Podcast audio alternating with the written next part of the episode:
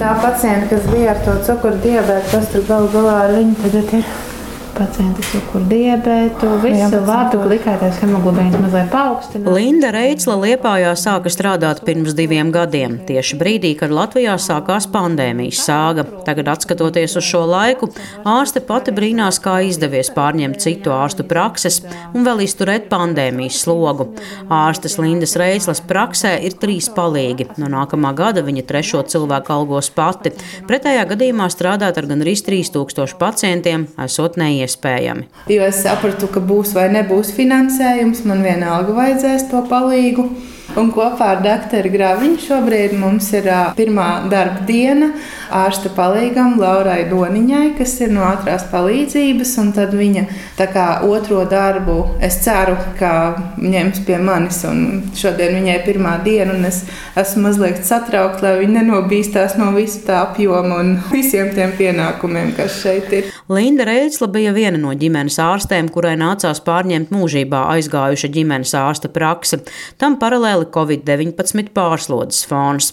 Jaunā ārste, kas strādājusi Somijā, neslēpj savu viedokli par atžgārnībām veselības sistēmā, un par to runā arī šobrīd. Pagājušā gada nogalē, diemžēl, aizgāja viens ģimenes ārsts um, Liepājā, un tā visa praksa palika bez doktora.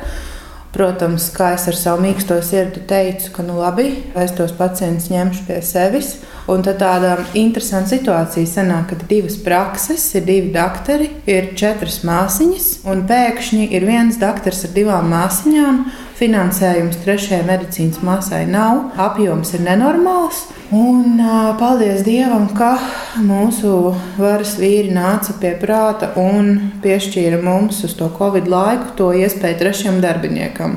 Sākumā tā kā uz pusgadu, ko mēs izmantojām. Pēc tam atkal bija lielais jautājums, kas būs, kas nē. Tad atkal dabūjām, nu, un tad līdz šī mēneša beigām mums ir trešais darbinieks. Es esmu rakstījusi Nacionālajiem veselības dienestam.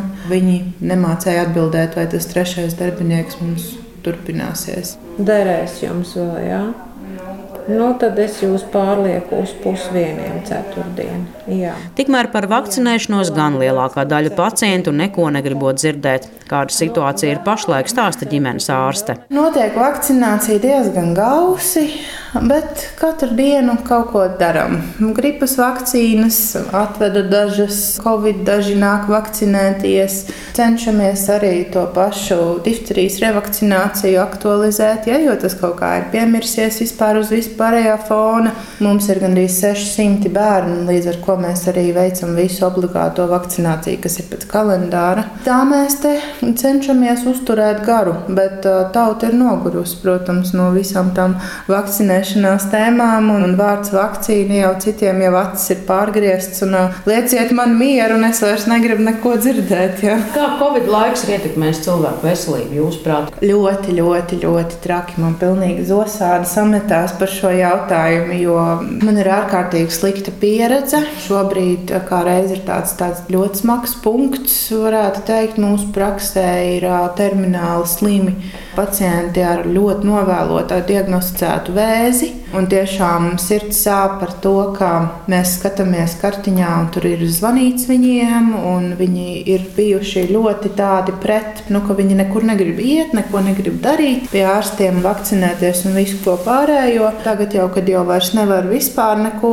un jau knapi jau iet uz priekšu, tad ir atnākuši, un mums ir burtiski, nu, novembris ļoti smags mēnesis. Mums ir vairāk pacientu aizgājuši un vairāk pacientu, kuriem koncīlijas ir nolēmis, ka ir palietīva aprūpe un uh, bez labām prognozēm. Jā. Ar to skaudro stāstu virknējums nebeidzas. Kādu brīdi trūkuši arī medikamenti, piemēram, antibiotikas stāsta ārste. Tajā pašā laikā pandēmijas ierobežojumiem ir arī kāds ieguvums. Tās ir attālinātās konsultācijas. Pirms Covid Latvijā visi pacienti ir nākuši klātienē pie jebkura iemesla.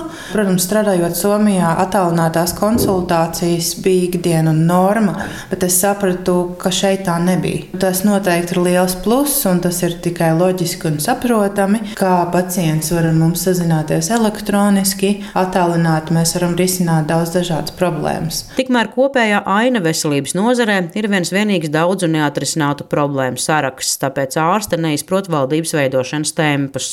Nu, kā var tik lielu pauzi šajā situācijā ieturēt un nerisināt? Tur ir rindas kārtībā tāda kaudze jau sakrājusies ar visu, kas ir jārisina ar visu.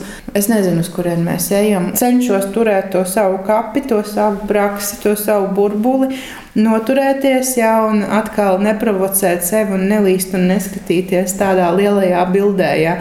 Jo šie jautājumi, ko jūs man uzdodat, ir tiešām ļoti satraucoši. Un, un es ļoti viegli kaut kā nu, tā emocionāli reaģēju. Man gribas glābt visus un, un visu atrisināt uzreiz, ja? bet nu, es nevaru. Tagad jaunā ārste cenšas labi paveikt savu darbu praksē un ap sevi pulcē līdzīgi domājošos. Tas palīdzot pārvarēt grūtības ikdienā, mazāk domājot par lietām, kuras nav iespējams ietekmēt. Ingozola Latvijas radio kursmē.